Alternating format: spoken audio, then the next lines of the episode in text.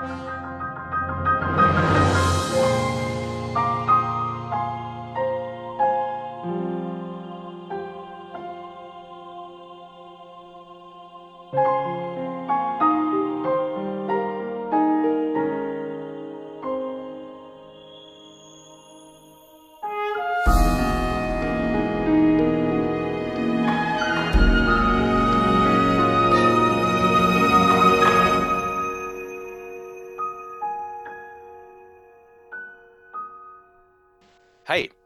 og velkommen til episode 17 av Spillpedagogene, en podkast om spill og digital kultur.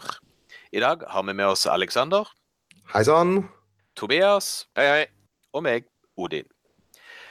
Dagens episode er den første i en liten serie. Ja, dette blir, en, dette blir podkastens første føljetong. Vi skal nemlig inn i en del episoder fremover snakke om ulike element i dataspill, og hvordan de kan brukes eller ikke i undervisning. Vi skal innom grafikken, spillmekanikken, fortellingen, musikken, opplevelsen og retorikken, regner vi med. Og første spillelement ut er det som passer dårlig i en podkast, nemlig grafikken i et spill. Men før vi går løs på det, så må vi ta en rask runde om hva vi har holdt på med siden sist. Og Tobias, du er først ut i dag. Yes.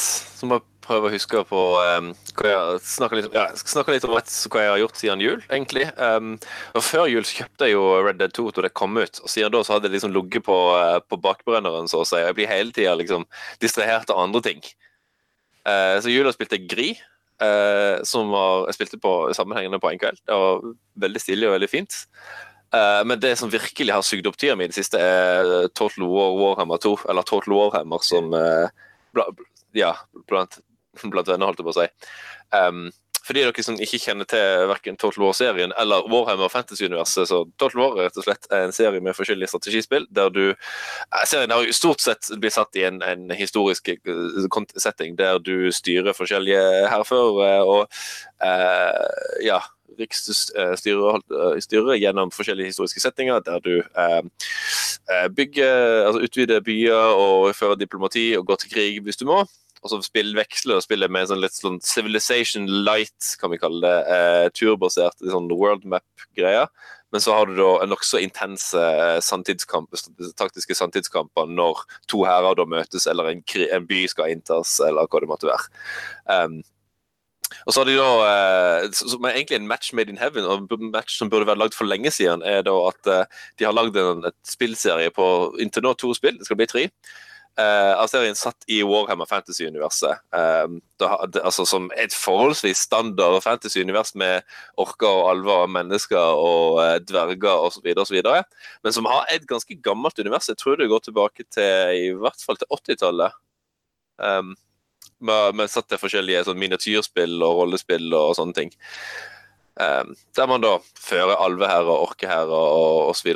mot hverandre. Og så har det alltid hatt litt sånn der en tongue in cheek, uh, humoristisk vri på det hele. At det er langt ifra så seriøst som uh, for eksempel uh, Tolkien-universet. Et eksempel, kan bare ta et eksempel der um, våpnene til, håndvåpnene til orkene de kaller de for choppa.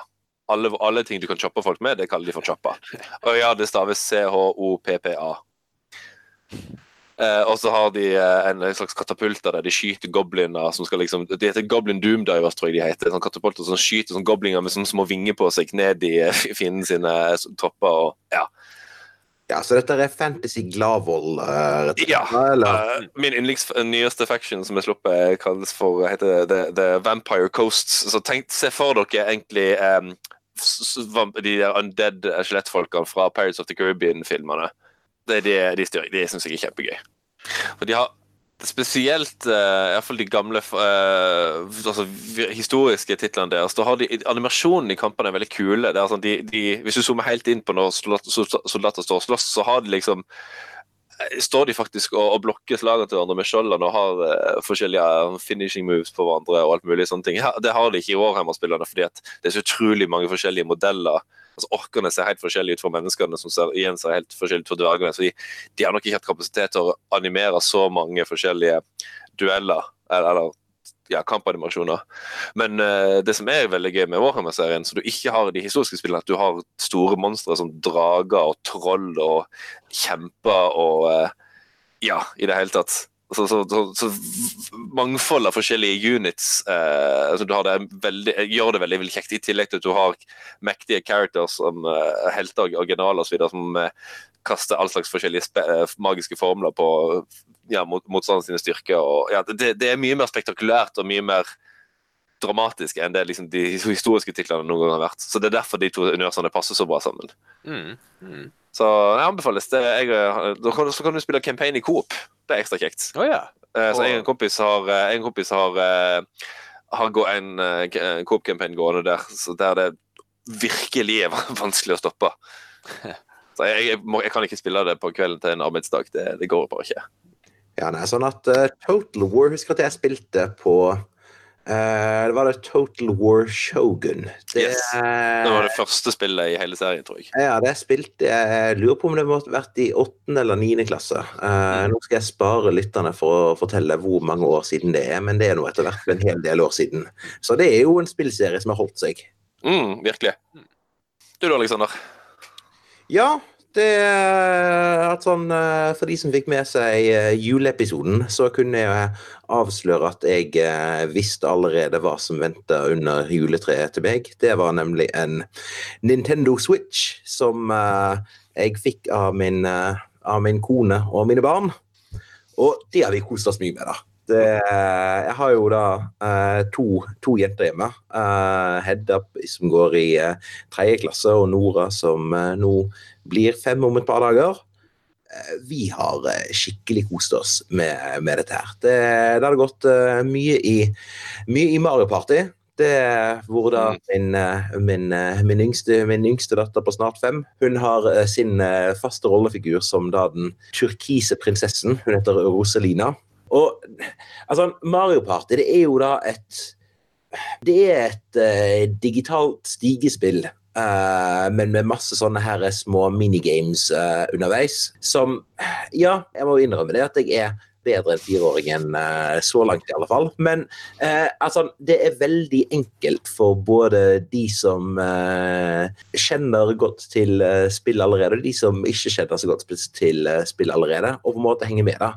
Eh, og faktisk i dag er første gang fireåringen har vunnet. Da. Nå har jeg spilt ganske mange, spilt, spilt ganske mange runder nå siden jul, men det er jo en altså, Litt av dette fordi at det er eh, Nintendo skills som eh, er i ferd med å gradvis bygges opp. Men eh, så er det jo også en eh, nesten helt latterlig random number generator inni dette her, som gjør at det kan være ekstremt store svingninger. Sånn at det er ikke alltid den, eh, det er ikke alltid den, beste som, eh, den beste som vinner, da.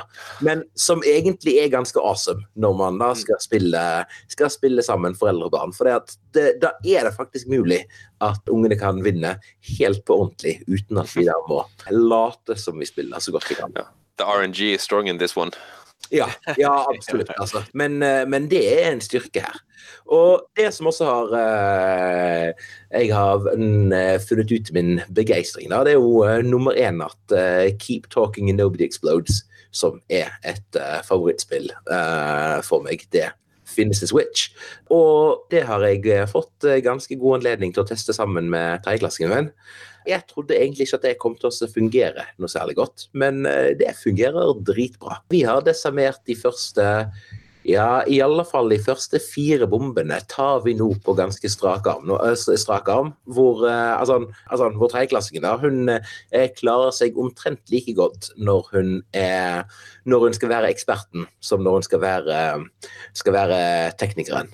Ja, det er jo ikke verst. Det, det, det, det syns jeg er habilt. Sånn at, men det det har fått meg til å tenke, da, det er at uh, Keep Talking er jo et spill som er Stort sett når jeg har snakket om det, så har jeg tenkt at dette her er et spill fra ungdomsskolen oppover, at det kan være aktuelt å bruke i, uh, bruke i skolen. Men uh, nå er jo kanskje min, kanskje min datter litt mer belest i spill enn det i alle fall en del andre, andre på hennes alder er. Er- det er kanskje en konsekvens av å ha en sånn pappa som det hun, eh, eh, som det hun har. Men eh, jeg er optimistisk på eh, at eh, ja, om jeg finner en anledning til å teste ut dette her med en skoleklasse i ja, kanskje fjerde-femte klasse, så hadde det vært litt kult å få testa ut.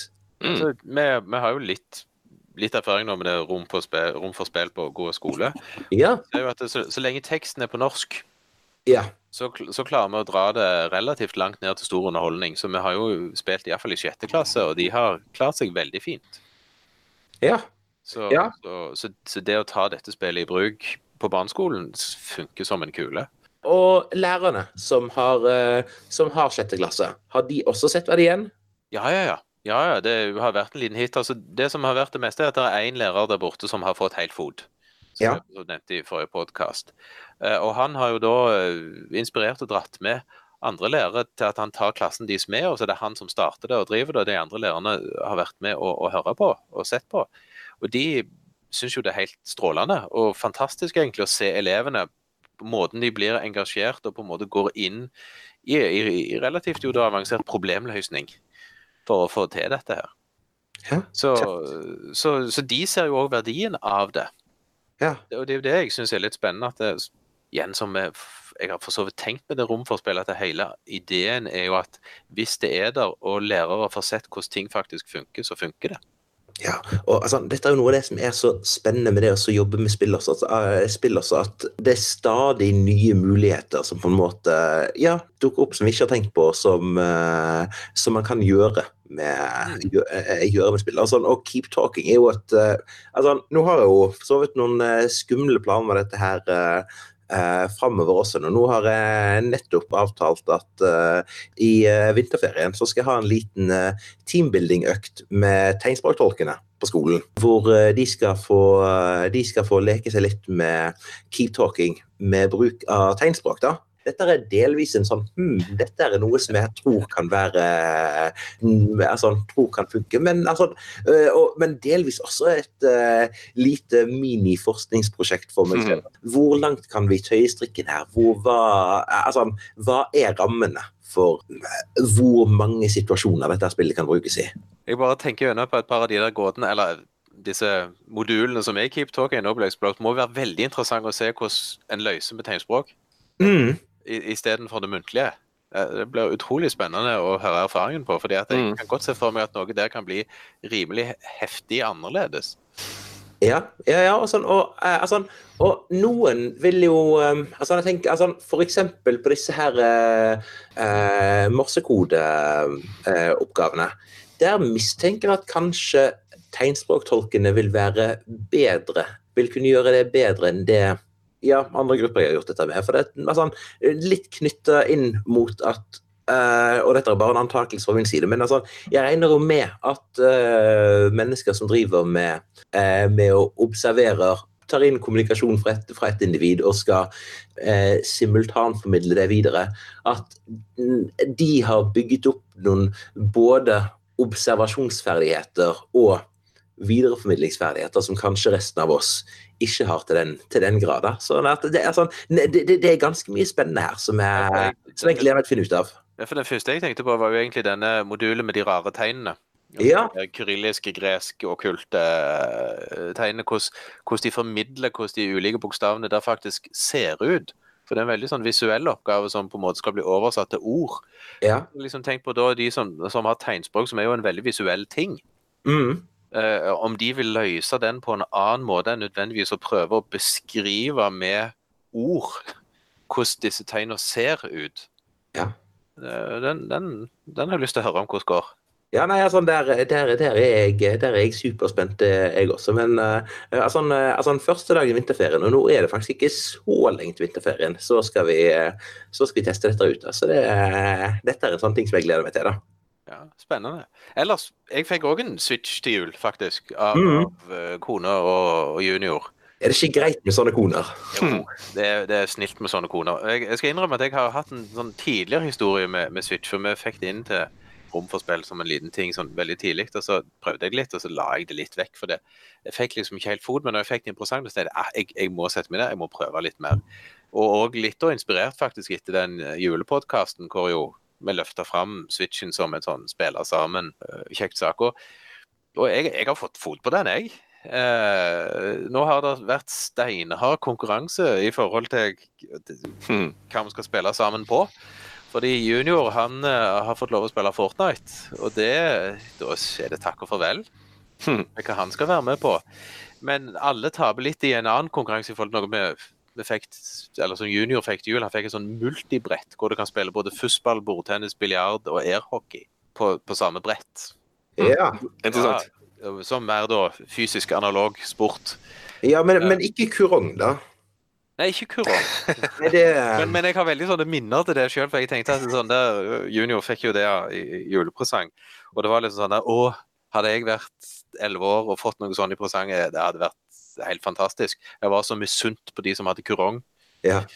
Og, og, men det har vært òg en hit. Men det er jo igjen det å spille sammen, vel å merke fysisk. Så, og vi har spilt litt sammen på Switchen.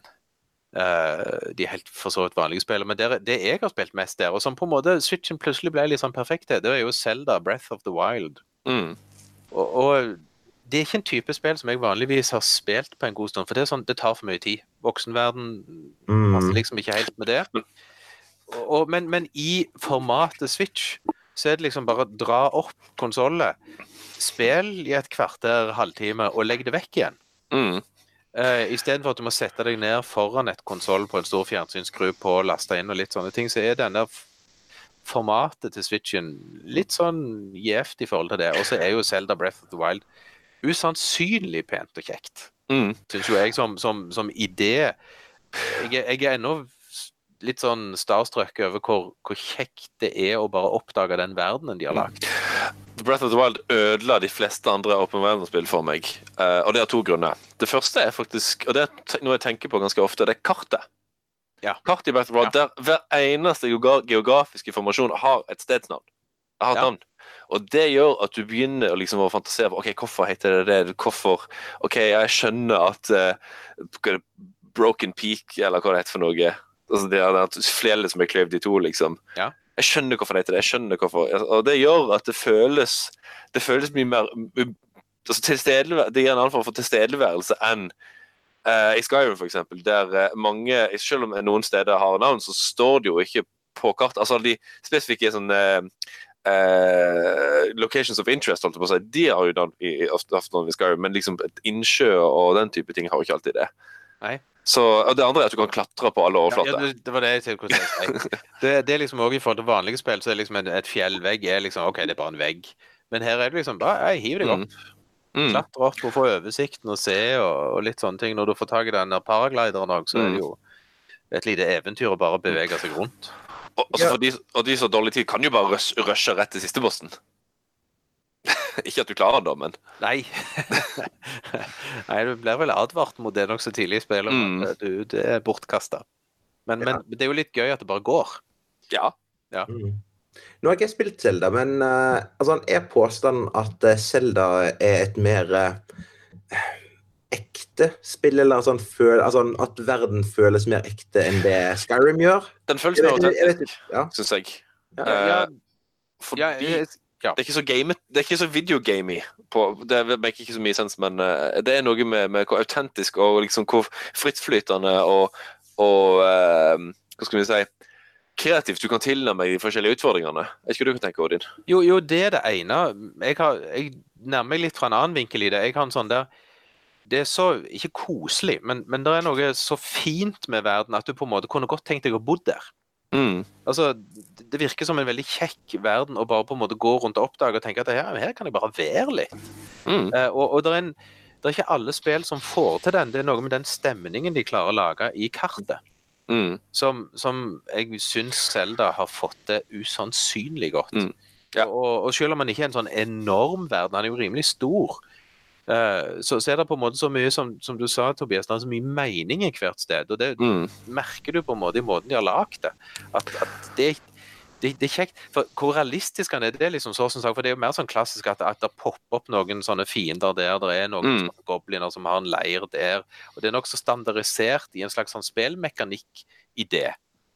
Uh, men, men utformingen av måten de har lagd det på, gjør at det, det virker på en måte troverdig, selv om det er en veldig konstruert Mm. verden. Mm. Men så får de jo, men så, så får de jo flere og flere liksom, ting å og, og, nei, altså, Du får jo nesten alle verktøyene du trenger helt i starten av spillet.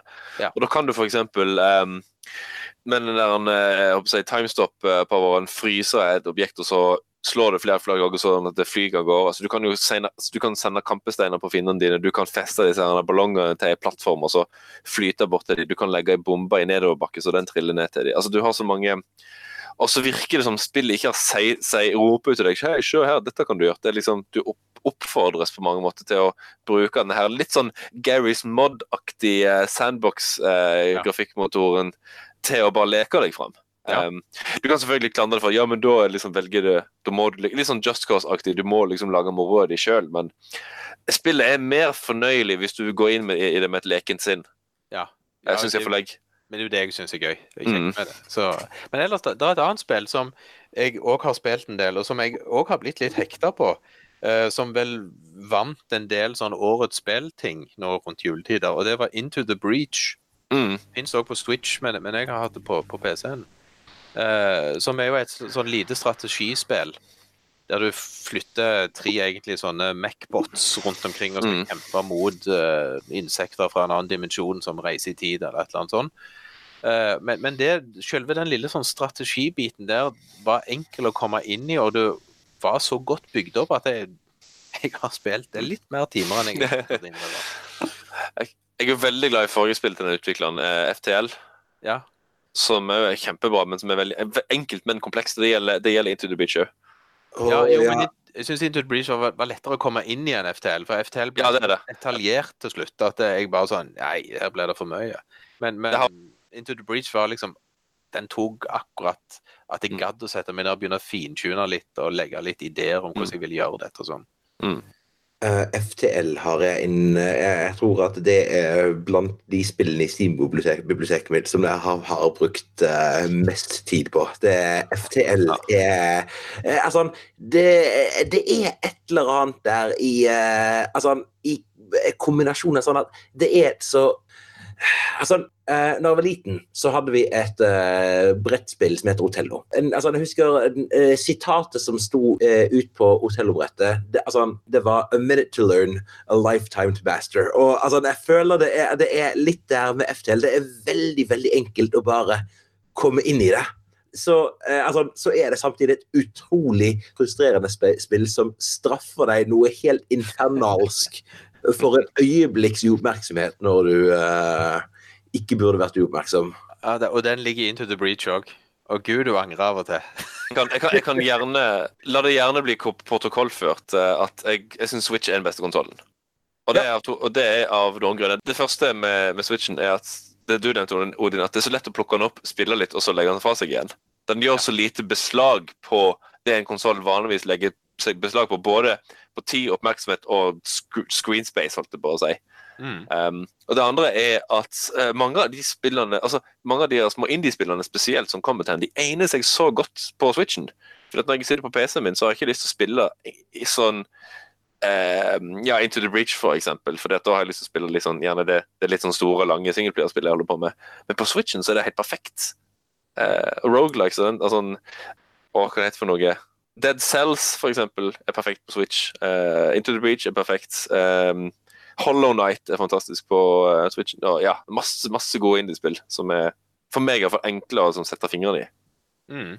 Jo, jo, men det, jeg er for så vidt enig i det. Og så har han òg for så vidt såpass mye kvaliteter i forhold til grafikk og lyd og, mm. og alt. på måte, Disse multiplayer-delene syns jeg er jo veldig kjekt med fellesspillinger. Mm. Ja. Og på ett konsoll. Mm. Ja. Og, så, har han jo Mario Kart og Mario Party eh, og, og så videre. Alle sånn, og Smash, ikke minst. Jeg er kjempeglad i Super Smash Brothers og har jo spilt Mario Party. Jeg har spilt nesten alle Mario Party-spillerne, bortsett fra de som kom på Wii U. Eh, da ja. følte jeg at serien tapte seg litt. Så for min del så er det veldig kjekt å se Super Mario Party gå liksom tilbake til originalformelen. Mm. Ja, Men uh, nå hørte jeg Odin si ordet grafikk. Skal vi ta oss og bruke det som en eh, radiofaglig sterk overgang til det som da egentlig er dagens tema? Jeg tror vi gjør det.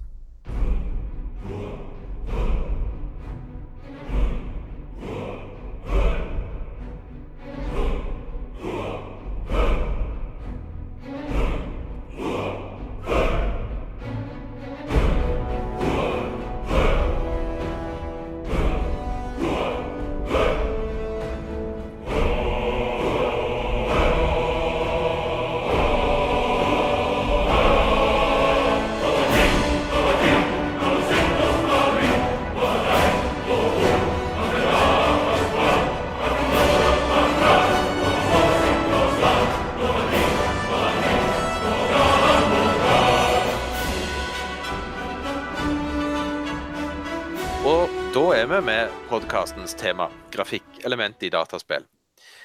Altså, et, dataspill, et dataspill består jo av en rekke element som henger uløselig sammen i spillet. Så når vi plukker ut ett av de, så er det for å prøve å si noe om de situasjonene der grafikken i eh, seg selv trer fram og blir det bærende i det vi ønsker å bruke spillet til, eller noe i den retningen.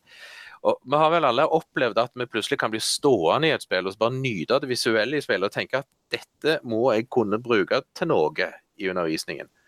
Og Poenget er at vi nå hiver oss litt ut på gyngende grunn og så la ordet gå litt fritt. Det er tross alt det vi spillpedagoger holder på med når vi ikke underviser. Vi, vi er jo på jakt etter nye spill og anledninger som kanskje blir gode opplevelser for læringsbasert spilling. Og Det er det vi gjør nå, i pårør av deg, som er så hyggelig at du lytter til oss. Så dere andre, grafikk i spill. Mm. Er det noen som har en klassiker? Jeg tenker du må begynne å snakke litt om Skyrim, uh, Tobias. Jeg kan godt begynne å snakke litt om Skyrim. Um, for det første så er det litt sånn som det, med, det du nevnte i stad, Odin med Breath of the Wild, at Skyrim um, som er altså, jeg, I forhold til elevene mine så har jeg ikke spilt noen av mine tidligere elever så har jeg ikke spilt det så mye. Jeg har spilt i ca. 400 timer. Jeg har hatt elever som har hatt 2000 timer i det. eller noe sånt. Men det er definitivt et av de spillene i nyere, relativt nyere tid jeg har spilt mest. Selv om spillet er nå eh, over 20 år gammelt. Men det har et sånt visuelt uttrykk som, i hvert fall hvis du modder det på PC til å se enda penere ut, det gir en sånn ekstrem sense of place. Så jeg har bare lyst til å være der og utforske ting. Og sånne ting. Og det har veldig mye med grafikken å gjøre, tror jeg. Um, og, og, i alle fall, og Skyrim er jo et av de få spillene jeg har lagd under overbevisningsopplegg til som kun tar utgangspunkt i det visuelle. Eller primært tar utgangspunkt i det visuelle. Da har jeg ofte gjort det når, mens vi snakker om uh, norsk, altså, romantisk og nasjonalromantisk kunst, og de ideene som det bringer med seg og Noen vil kanskje si at det er litt sånn, litt, sånn uh, uh, Hva skal vi si? Et, man, må, man, må, tolke kanskje romantikken romantisk uttrykk litt grann liberalt, men jeg mener fortsatt at Bethesda har gjort litt sånn Om ikke tjuvlåning, så i alle fall står på skuldrene til de norske nasjonalmantikerne fordi at det de gjør, altså det estetiske uttrykket de prøver å knytte til naturbilder og sånne ting Um, og jeg tror det er mye av det appellen ved Skyrim er nettopp det. Jeg har sikkert fortalt det her før, men jeg minner stadig vekk eh, kjæresten til en av tremeningene mine min, som bor i USA. Var i Norge for første gang, og så kom jeg og han i prat da, om en sånn familiesamling. Så sa han at eh, han har aldri vært i Norge, men han føler at han har vært der fordi at han har spilt Skyrim. ja. Og det syns jeg er så vittig. Eh, at, at, han, at, han hadde at, at, det var en sånn kobling som kunne gjøres der i, i, i liksom, hans forestilling om hvordan Norge så ut, osv. Og, så og det er litt kult. Mm. Um, så ja, grafikk. Eh, og jeg tenker jo liksom, jeg vet ikke hvor mange som har spilt Talisman. Jeg vet Du Du er veldig glad i det, f.eks. Alexander. Ja, ja. Eh, Talisman er et fryktelig enkelt brettspill eh, som finnes i digitalt format. Eh, der du basically flytter rundt på et brett, og så trekker du noen kort, og så møter du på et eller annet, og så finner du en gjenstand eller mye opp, opp og ned. Og Karakteren din har egentlig bare to stats, uh, strength og craft, som uh, egentlig bare kan øke underveis. og som det, Begge er tall som du legger til en terning du kaster for å beseire fiender og eh, andre hindre og sånne ting. Men alle kort har spesif altså sitt spesifikke artwork, altså en liten, en liten, en liten, et bilde eller tegning, eller noe sånt, og så er det litt sånn skildrende tekst eh, av og til på bånden. Og uten den, det grafiske elementet så hadde tallet liksom bare vært et spill med tall som går opp eller ned. Og det hadde vært fryktelig kjedelig. Men grafikken gjør talismanen mer interessant, syns jeg. Så veldig ofte så eh, For mange spill, eller for min del, så har grafikken ganske mye å si. Og, ikke, og, da mener jeg ikke nødvendigvis at det skal være god grafikk eller sånn fotorealistiske postprocessing og andre sånne effekter, altså, men at det må være et eller annet bevisst grafisk uttrykk. Selvfølgelig lar jeg meg imponere av spill som, som ser fotorealistiske ut, men problemet det er jo ofte at de går litt fort ut på dato, sammenlignet med de som nøyer seg med å at altså, de, de, som heller har en visjon eller et uttrykk som de ønsker å få til. Journey for eksempel, vil vel neppe gå ut på dato med det første. Nei, nei, og det var den jeg satt og tenkte litt på òg, som en sånn Der jeg har så og spilt Journey, så tenker jeg jo på en måte Av og til er det nesten vanskelig å plukke ut at det er bare grafikken som du tar utgangspunkt i der, for det er jo mm. hele pakken i Journey. Ja, ja. Musikken og så videre. Ja, og, og mekanikken, på en måte, hvordan de lurer deg til, til, å spille mm. spillet på en bestemt måte. Men, men, jeg er helt enig. altså Journey blir veldig tidløst, og, og grafikken er jo så bevisst brukt òg. Mm. At, at, uten den måten å gjøre det på, så ville det ikke fungert så godt. Og mm. Jeg er enig i den du sa, som vi vel har vært inne på, da, dette med, med, å ha et bevisst estetisk uttrykk Mm. som, som det bærende tingen. For det er, jo der, det er jo det som kan få oss til å på en måte stoppe opp og synes at her er det en, et, et visuelt uttrykk, en bruk av grafikk som på en måte gir en eller annen form for mening og opplevelse i et spill. Mm. Eh, Og vi har vel alle erfart at det vi en gang syntes var fotorealistisk steinbra grafikk, ikke så lang tid etter ser relativt makabert ut. Oh yes. Ja. Også, ja, også, og fotorealistiske spill de ligner så på hverandre, syns jeg. Altså det, altså, ja, altså det, det er vanskelig å være unik og distinkt ved å gå for en fotorealistisk stil, selv om som sagt det, det er lett å la seg imponere. Um, men så har jeg jo ofte tenkt på um, Dere som faste lytter podkasten, iallfall dere vet at jeg er veldig glad i XCOM. Og da de gamle XCOM-spillerne helst. Husker de, da, da i alle fall for min del, så skjønner det så bra ut, så, så var fortsatt grafikken var så enkelt, sånn superpikselert og sånn, at den ble nesten en slags algori allegori for den egentlige handlinga. Altså det skulle liksom representere eh, altså det skulle representerte den egentlige handlinga som jeg satt og så for meg i hodet mitt da jeg var liten og så spilte det. Og det er jo noe som grafikk ofte Av og til noen spill med veldig dårlig grafikk, eller enk, ikke dårlig, dårlig er feil ord, enkel grafikk. Ja. Altså der, der lite vises eksplisitt, gjør at jeg av og til sitter og dikter videre på Ja, det- hva som skjer. Jeg tenker jo, Vi var jo inne på det forrige episode med Månedens spill og Bradin. Mm. Uh, og, og, og som jo kjører denne veldig primitive egentlig grafikken helt bevisst. Mm. Uh, og så kan du kanskje si at han gjør det for å spare masse utviklerpenger når han Mm. lager spillet sjøl, tross alt. Mm. Men, men jeg, jeg tenker jo, jeg, du ser jo for så vidt òg at det er jo lagt ned en god del tid og krefter i det visuelle uttrykket. Mm. Og for min del så syns jeg jo at det bare forsterker hele ideen om som du nettopp du, du putter jo for så vidt inn en del visuell tolkning i det sjøl, og det blir mer spennende å se på enn Mm. hvis det nødvendigvis hadde vært fotorealistisk. Jeg, jeg Mm. tror jo Obradin hadde nesten hadde feila hvis det skulle Ja. prøvd å være fotorealistisk. Jeg, jeg lurer på om det er noe her som kan Om vi kan, kan kanskje trekke en liten parallell til det her ideen om showing versus telling. Um, altså det, altså det som, det som Hvis, hvis en tekst f.eks. ikke etterlater noen ting til fantasien, ikke lar lese noen ting mellom linjene, så er det en kjedelig fortelling. Jeg lurer på om det av og til kanskje er litt det samme med, med spill der ingenting trenger tolkes. Alt blir servert til deg liksom ferdigfordøyd, så å si. Og det er kanskje det fotorealistisk grafikk gjør til tider. Er, selv om det kan være imponerende og fint og flott, og sånt, så er det ikke nødvendigvis at det etterlater så mye. Det er det den ene, eller så er det jo rett og slett at i og med at fotorealistisk grafikk aldri kan bli fotorealistisk i den forstand ennå, Mm. så er det jo mer det at eh, en, en ser etter et visuelt uttrykk som gir mening utover å være fotorealistisk. Altså, For det fotorealistiske har ikke noe mening i seg selv annet enn å være show-off. Nei, og så altså, det er én-til-én-connection mellom det det skal representere, og det som blir representert, på en måte. Ja. Mens litt mer tvetydig grafikk gjør at tolkningsprosessen begynner å kick, bli kickstarta litt, på et vis. Du kan jo egentlig overføre det til film til en viss grad. Altså Hvis du hadde hatt Altså Alle filmer òg velger jo en visuell stil som ikke Mm. nødvendigvis er knytta til fotorealisme. Som, som jo òg gjør den, en del av fortellingen annerledes. Mm. Jeg, tenk, jeg tenker jo da Et annet spill vi nevnte forrige gang, også, Gri, har jo òg valgt seg forskjellige grafiske uttrykk, egentlig, alt etter hva stemning de skal videreformidle. Og jeg tenker jo også det vil Det spillet gjort på en annen visuell måte hadde nesten ikke, hadde heller ikke fungert. fordi at det er jo det visuelle uttrykket som på en måte er spillet. Mm. Men så har vi òg um, spill som f.eks. Dark Souls-serien, som, eller Bloodborne, ikke minst, som selv om ja, det på en måte Altså, de går for en natu nokså naturalistisk stil, samtidig som den er veldig um, overdreven. Altså, den er veldig sånn hyperbol i i arkitekturen, f.eks., og andre sånne elementer. Så det er jo ikke bare liksom, det rent visuelle effektene på skjermen som en del av grafikken, men det er jo måten, den, den arkitekturen og andre ting i verden som er framstilt. Og sånn sett så syns jeg jo eksempel eh, ja, spill som Bloodborne og, og Dark Souls-serien er mye mer interessante enn hva skal vi si, virkelighetsnære, men litt sånn fantasiløse eh, grafiske uttrykk. Mm. Ja. Mm.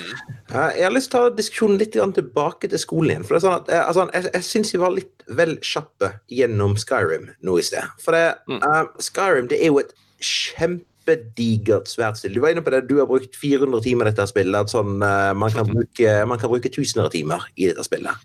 Sånn at Som da i utgangspunktet får det til å høres ut som et spill som at dette her kan man jo i alle fall ikke gjøre i skolen. Sant? Man, kan, man kan jo ikke man kan ikke bruke eh, hundrevis av timer på et spill i skolen. Men det det handler om, sant? det at vi som lærere, som spillpedagoger, vi må bygge en bevissthet på hva er det egentlig eh, ved, ved spill generelt, eller ved konkrete spill som vi vil bruke, som Mm. har en verdi eh, som er gjennomførbar i klasserommet. Og Mm. eh, sånn som det du har gjort med Skyrim, Tobias. Du har observert dette her. Sånn, OK, her er det noen kjempespennende landskap. Her er det en masse bildebruk som stjeler og låner fritt fra nasjonalromantikken. Mm. Eh, sånn, så sender du elevene dine ut på eh, Ja, nesten på safari eller på, på en kunstnerisk jakt etter det perfekte motivet. Og Mm. eh, det å være bevisst på at sånn, OK altså, at til dette spillet, som har masse forskjellige kvaliteter det jeg har lyst til å bruke dette til i undervisningen, det er å gjøre elevene mine bevisst på hvordan kan man identifisere nasjonalromantiske uttrykk. Så er det en Mm. Øvingsarena eh, for akkurat dette her, selv om dette er noe som er langt fra det spillskaperne tenkte når de gjennom Mm. spillet. Mm. Ja, det handler jo om eh, altså, det, litt, litt handler det om for min del å forstå eh, nok en, nok en et, eh, et ledd i det her eh, mars- marsjen for, å, for spillenes anerkjennelse i skolen eh, og i offentligheten generelt. Em, så det å få elevene til å forstå at romantikken var, altså romantiske ideer om kunst og kultur slutter jo ikke når realismen kom, holdt jeg på å si. Det er jo, det er jo forestillinger om, altså, om visuelle uttrykk videre som lever de beste velgående i dag. Og da kan du bruke, altså, kan du velge som du sier, Alexander, å innramme Skyrim på eh, altså Prøve å sette det i en kulturhistorisk sammenheng og vise hva slags tradisjoner og ideer er det skaperne av disse spillene eh, er opptatt av. For det har for mye til felles med visse sånn, romantiske og nasjonalromantiske eh, kunstverk som, som er for, etter min mening, for eh, like til å være tilfeldig, tenker jeg. Og da kan du, ja, som jeg pleier å gjøre, eh, har, har gjort tidligere, sende elevene på, på skattejakt etter det mest eh, nasjonalromantiske eller, eller romantiske motivet. Og så kan man jo diskutere senere ja, er disse bildene de har tatt, er de egentlig det eller ikke. Men, men er jo at det er jo bare ett ledd i et større undervisningsopplegg om, den, om tekstene fra perioden og sånne ting. For da kan du gi elevene oppgave å f.eks skrive en resonnerende tekst der de diskuterer hvorvidt eh, de romantiske og nasjonalromantiske diktere og billedkunstnere bruker naturbilder eller naturen som konsept på samme måte som det Bethesda gjorde når de har lagd Skyrim. Mm. Um, og der, der er det ikke nødvendig altså, Så kan du sikkert si nei, det er forskjellig. OK, hvorfor er det forskjellig? Ja, det er litt likt. OK, hvorfor er det likt? Ja. Um, for her er ikke noe fasitsvar nødvendigvis. Det er da jeg, sånn, det er da, dere- det er da jeg blir så misunt på dere i videregående skole. som, som kan holde, holde det så høyt oppe i forhold til på en Mm. måte refleksjon og, og kompleksitet. Mm, For, for jeg, jeg satt og tenkte, jeg har jo brukt Proteus en del Mm. nå. Det, ble, det er jo liksom mitt kjernespill av og til. Ja. Eh, og, og det har jo en, igjen denne veldig, kall det primitive, enkle grafikken.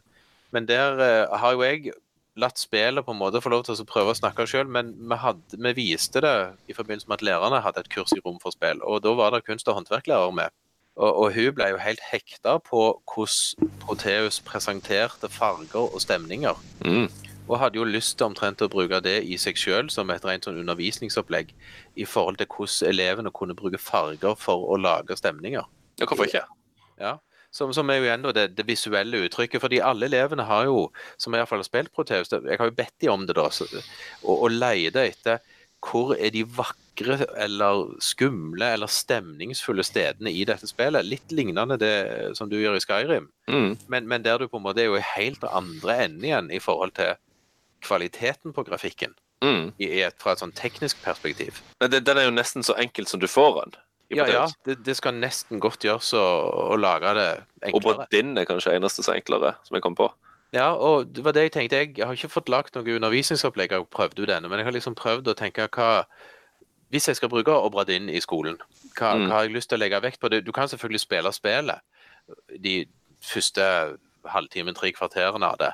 Og, og bruke det som en sånn Hvordan bygger de opp en fortelling, og hva har du oppdaget, og hvordan har du funnet det ut? Som en Mm. sånn arbeidsprosess. Mm. Men, men samtidig så har jeg tenkt at det at Obradin bruker det visuelle veldig tydelig, fordi du må jo visuelt lete etter alle disse opplysningene. Mm. Det det er jo noe tekst i denne skipsloggen Ja. som du må jo for lese, men det er jo stort sett bare navnene til de forskjellige. Ellers er det jo på en måte å gjenkjenne visuelle kjennetegn hele tiden, og lete etter visuelle kjennetegn på en veldig aktiv måte.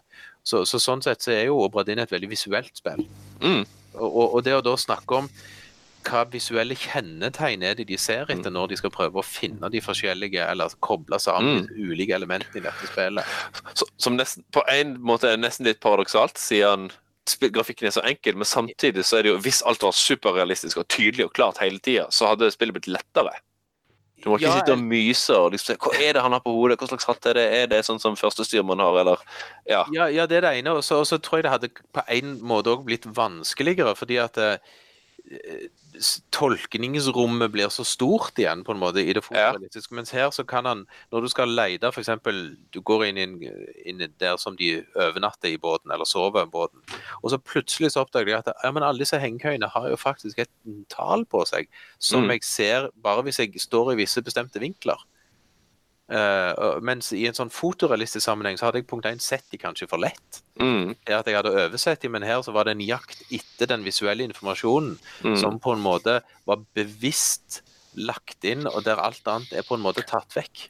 Ja, det har jo en minimalisme som, som Ja. passer spill, resten av spillet veldig bra, Ja, rett og slett. ja. Ja, og altså, det kommer jo til kontrast fra eksempel uh, Der har begge spilt Edith Finch, har dere ikke det? Jo. Mm, Ja, altså hvis dere tenker det altså, eh, Disse eh, første sekvensene når du er kommet inn i huset, og du kommer inn i et hus hvor du på en måte blir overlesset med sanseinntrykk. Det er altså Det er tusener på tusener med, eh, med bøker, nips, pikkpakk av alle mulige slag. sant? Og du går inn i en sånn altså, Jeg fikk i alle fall veldig sterkt den følelsen av å være overveldet av inntrykk når jeg kom. Og det at, eh, altså, jeg er vant når jeg spiller denne her type novellespill, at uh, altså, nesten alt er det er plassert for en grunn. Og eh, ja, jeg blir rett og slett overveldet av mangfoldet og Mm. uh, mengden av inntrykk som mm. kanskje skal bety noe litt senere. Ja, ja, jeg er enig i den. Det, det som jeg har hatt på Edith Finch, som jeg ikke har fått tid til ennå, jeg har, har av og til lyst til å gå og se på hva alle boktitlene heter. Ja. Mm. Bare, bare for å se om de virkelig har gjort det. Med, med uh, å legge betydning inn i egentlig hver eneste bok, eller om de har kjørt billige triks med å kjøre samme teksturer over flere flater. Uh, der kan uh, jeg si sånn at jeg hadde en uh, jeg, jeg hadde, hadde en liten økt hvor jeg gikk rundt og bare så på bøker. Og så vidt jeg husker, så har det ikke altså, Så bruker de ikke samme tittel to ganger. Nei, jeg har en mistanke om det, nemlig. Og, det, og det, da er jeg offisielt imponert over hvor mye arbeid de har lagt ned i det der visuelle uttrykket. Mm. Så jeg, som, jeg, jeg gjorde det, tror jeg, og jeg mener jeg, dessverre jeg kunne se at de har brukt en del av de samme teksturene og titlene flere ganger. Ja, ok. Men eh, nå har jeg litt sånn eh, Hva skal vi si guilty pleasure å komme med. Altså, grunnen til at jeg av og til en liten bit av meg håper at zombieapokalypsen faktisk skjer, er at da kan jeg gå rundt og og utforske forlatte hus. Ja. For, og det husker, for det husker jeg tilbake fra det første Resident Evil-spillet. Uh, remaken på GameCube, riktignok. Så hadde jeg så lyst å utforske det her huset liksom inn i hver eneste krink og krok. For, jeg vet ikke helt hvorfor, men det er et eller annet med liksom store, forlatte bygg. uh, og, og den historien som ligger liksom oss og gjenlagt der, som, som, som pirrer fantasien min, fantasien min og nysgjerrigheten min noe veldig. Og Derfor er jeg så lykkelig over f.eks. Eh, Resident Evil 7 og nå snart eh, remaken av toåren, eh, som kommer nå til helga, faktisk. Som jeg gleder meg fryktelig til, fordi at jeg er så glad i å utforske den type miljø. Og, og, og det var noe av det jeg satte mest pris på ved Edith Finch, var å utforske huset, rett og slett. Mm, mm. Men, men der syns jeg jo igjen til det vi vel egentlig snakket litt om eh, i forhold til Zelda og litt sånne ting. Jeg syns jo i Edith Finch så har de klart å lage et hus som omtrent du kunne tenkt deg å bo i. Mm.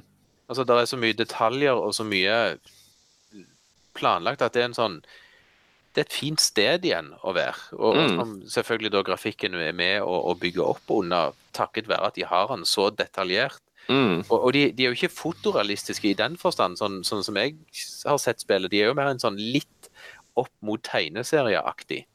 Som jo gjør Ja. at- at de, de redder de redder seg vekk fra denne å være fotorealistisk. For da, for da hadde kanskje ikke huset overlevd som, en, som et sånt et sted. Ja, For det er jo forskjell på fotorealisme og autentisitet eller troverdighet, Ja, tenker ja. jeg. Ja, det er sånn at Jeg tenker på Edvard Saxehånd. Eh, litt av disse her eh, De overdrevne fargene, de overdrevne frisyrene, de overdrevne egentlig alt mulig. Sånn at eh, Det er litt det inntrykket jeg får når jeg ser på dette her Edith Finch-huset. Det er jo et fullstendig ulogisk hus? Det er etter en vanlig byggeskikk. Det er noe Tim Burton-esk over det. Det er jeg enig i. Ja. Hvor viktig, altså, jeg har- jo noen venner som, som nekter å spille spill hvis de har Eller jeg har iallfall hatt venner tidligere, jeg husker fra, fra tidligere, fra tenårene av og litt opp i 20-årene. er Venner som nekter å spille spill hvis de ikke hadde god grafikk. Nekter. Fordi at eh, Og jeg har fortsatt noen venner som, som eh, kritiserer retrografikk for å være liksom hipstergrafikk. Altså det er litt sånn det er noe, pretensiøst over det. Ja, Um, jeg tenker at jeg, jeg ville ikke vært enig i den påstanden engang. For det, altså, de fleste som lager vel spill med litt sånn type enkel grafikk, jeg, jeg tror de velger det noen altså av estetiske grunner eller av tekniske grunner òg. Mm. det, å få til denne semifotorealismen, som man kaller det, altså typen Mm. Edith Finch, det krever jo enorme ressurser Mm. for, for å få det godt til. Og det, er jo- og det er jo ikke alltid det er verdt det. Hvis, hvis det på en måte i seg selv ikke har en verdi, så, så er Mm. det bedre å ha et Obradin Ja. sånn som det faktisk er, enn, enn å prøve å lage et spill som ikke Mm. vil fungere. Og så og så er jo ikke dermed sagt at, at, at pikselart er så lett å lage. At på, Se på detaljnivået i, i uh, Oldboy, f.eks. Det er lagd så my- så mye sjel i hver eneste frame av animasjon at det er helt sinnssykt. Så, så det, er jo, det er jo en egen kunstart, det òg, egentlig. Absolutt. For Mm. du, du, du, skal, du gjør så mye med så lite. Og så kan vi ta, Apropos det vi snakket om i stad, med liksom hvor, hvor, hvor gamle, altså hvor dårlig fotorealistiske spill eldes. da eksempel Dishonored, um, som gikk for en veldig sånn tegneserieaktig grafikkstil. Mm. Holder seg jo diskutabelt nok forholder seg bedre i dag enn de spillene som kom ut samtidig som det, og gikk for en veldig eh, realistisk stil.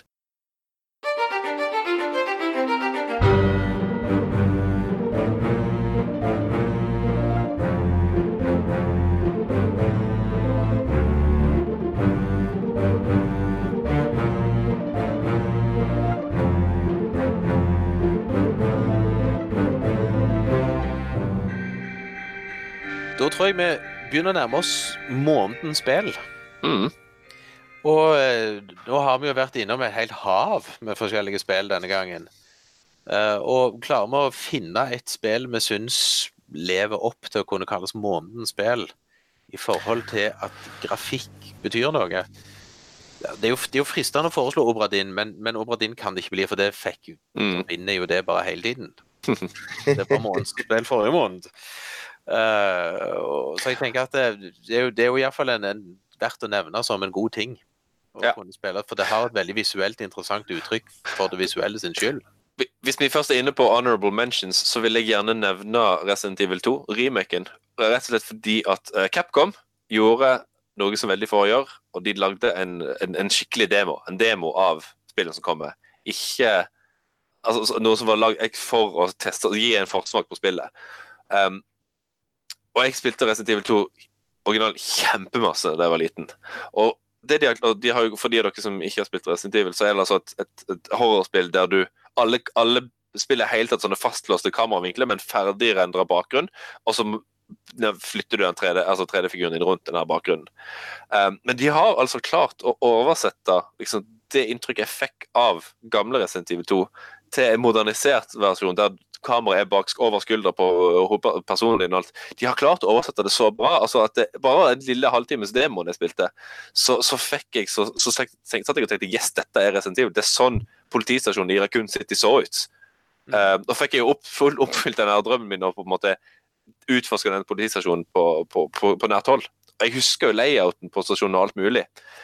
Så det er, altså De har virkelig og Selv om det er for oss altså Nå har vi sittet og, dissa liksom, realistiske spill litt her, men, men det er noe de har gjort mellom bruken av skygge og lys og mørke og, og alt mulig sånne ting, som, som er så utrolig bra gjort.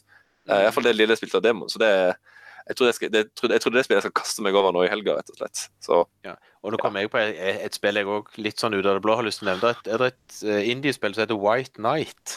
Uh, og, og som er egentlig et sånn der uh, noir-spill. Du er en uh, detektiv som skal uh, i ekte gammel stil. Så har et trafikkuhell utenfor et hus, og du må da komme deg inn i dette huset. Og det er tydelig at det er spøker i det huset, du må prøve å løse dette mysteriet. Men det som er trikset med det spillet, det er ikke Det er bokstavelig talt i svart-hvitt. Det fins hvitt, og det fins svart, og ingen gråtoner. Og det gir, jo, det gir jo en veldig spesiell stemning til spillet, som jo ellers ikke ville eksistert. Og det er jo til tider òg dritskummelt av den samme grunn.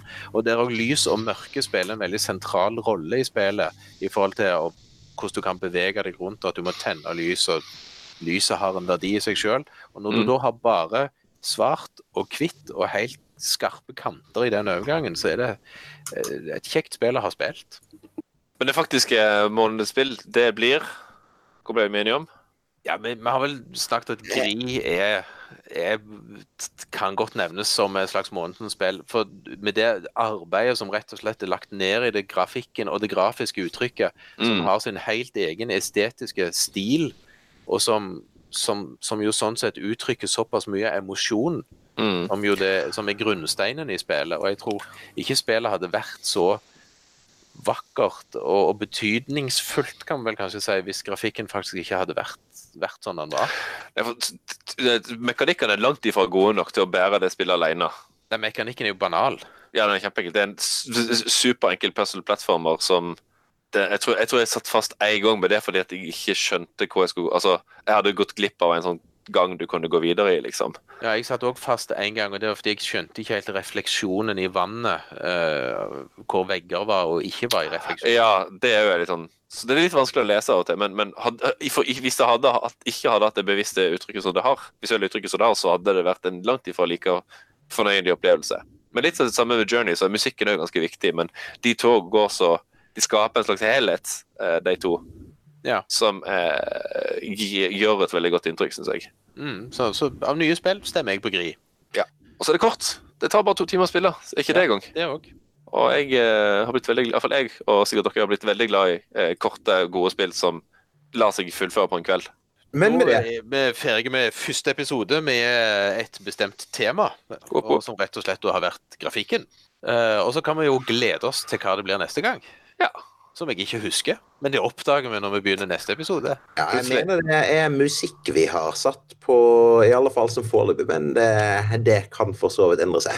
Men uh, før vi runder av, kan vi ikke uh, ta oss og eh, bedrive litt skamløs selvpromotering først, da? Fordi at nå, ja, faktisk alle vi tre som sitter, i, sitter med i podkasten i dag, altså meg, Alexander, Tobias og Odin, vi har vært med å jobbe med det som kalles for en eh, språkløype for eh, lesesenteret i Stavanger. Og det er da en Tar jeg det riktig nå? Er det språkløype eller er det leseløype? Språk- Språkklipp, ja. Det er en språkløype, ja. Det var det, det det jeg mente, da. Uh, og det er da en uh, innføring i bruk av spill i skolen for, uh, for lærere fra ungdomsskole til videregående trinn. Dette er da satt opp som eh, en helt fullstendig gratis online eh, kurspakker som eh, kan gjennomføres alene, men som enda bedre kan gjennomføres i grupper, eller til og med i et helt lærerkollegie. Så vi kommer til å legge ved en eh, lenke til dette her i shownotene fra dagens episode, og kommer sikkert også til å skamløst snakke om dette her, eller skrive om dette her på både Facebook og blogg etter hvert. Hvis eh, du, kjære lytter, har lyst til å sette litt i gang, eller du har lyst til å sette kollegiet ditt i gang med å bruke mer spill i skolen, så eh, sjekk ut Språkløper. Ja, og det skal òg være sagt at det er jo dere to Tobias Alexander, som står bak den faglige tyngden i det som er lagt der. Meg, de bare intervjuer meg, og så fikk jeg lov til å si akkurat det jeg ville. Og med det tror jeg vi sier uh, takk for oss i uh, Spillpedagogene denne gangen. Ha det bra! Ha det bra. bra.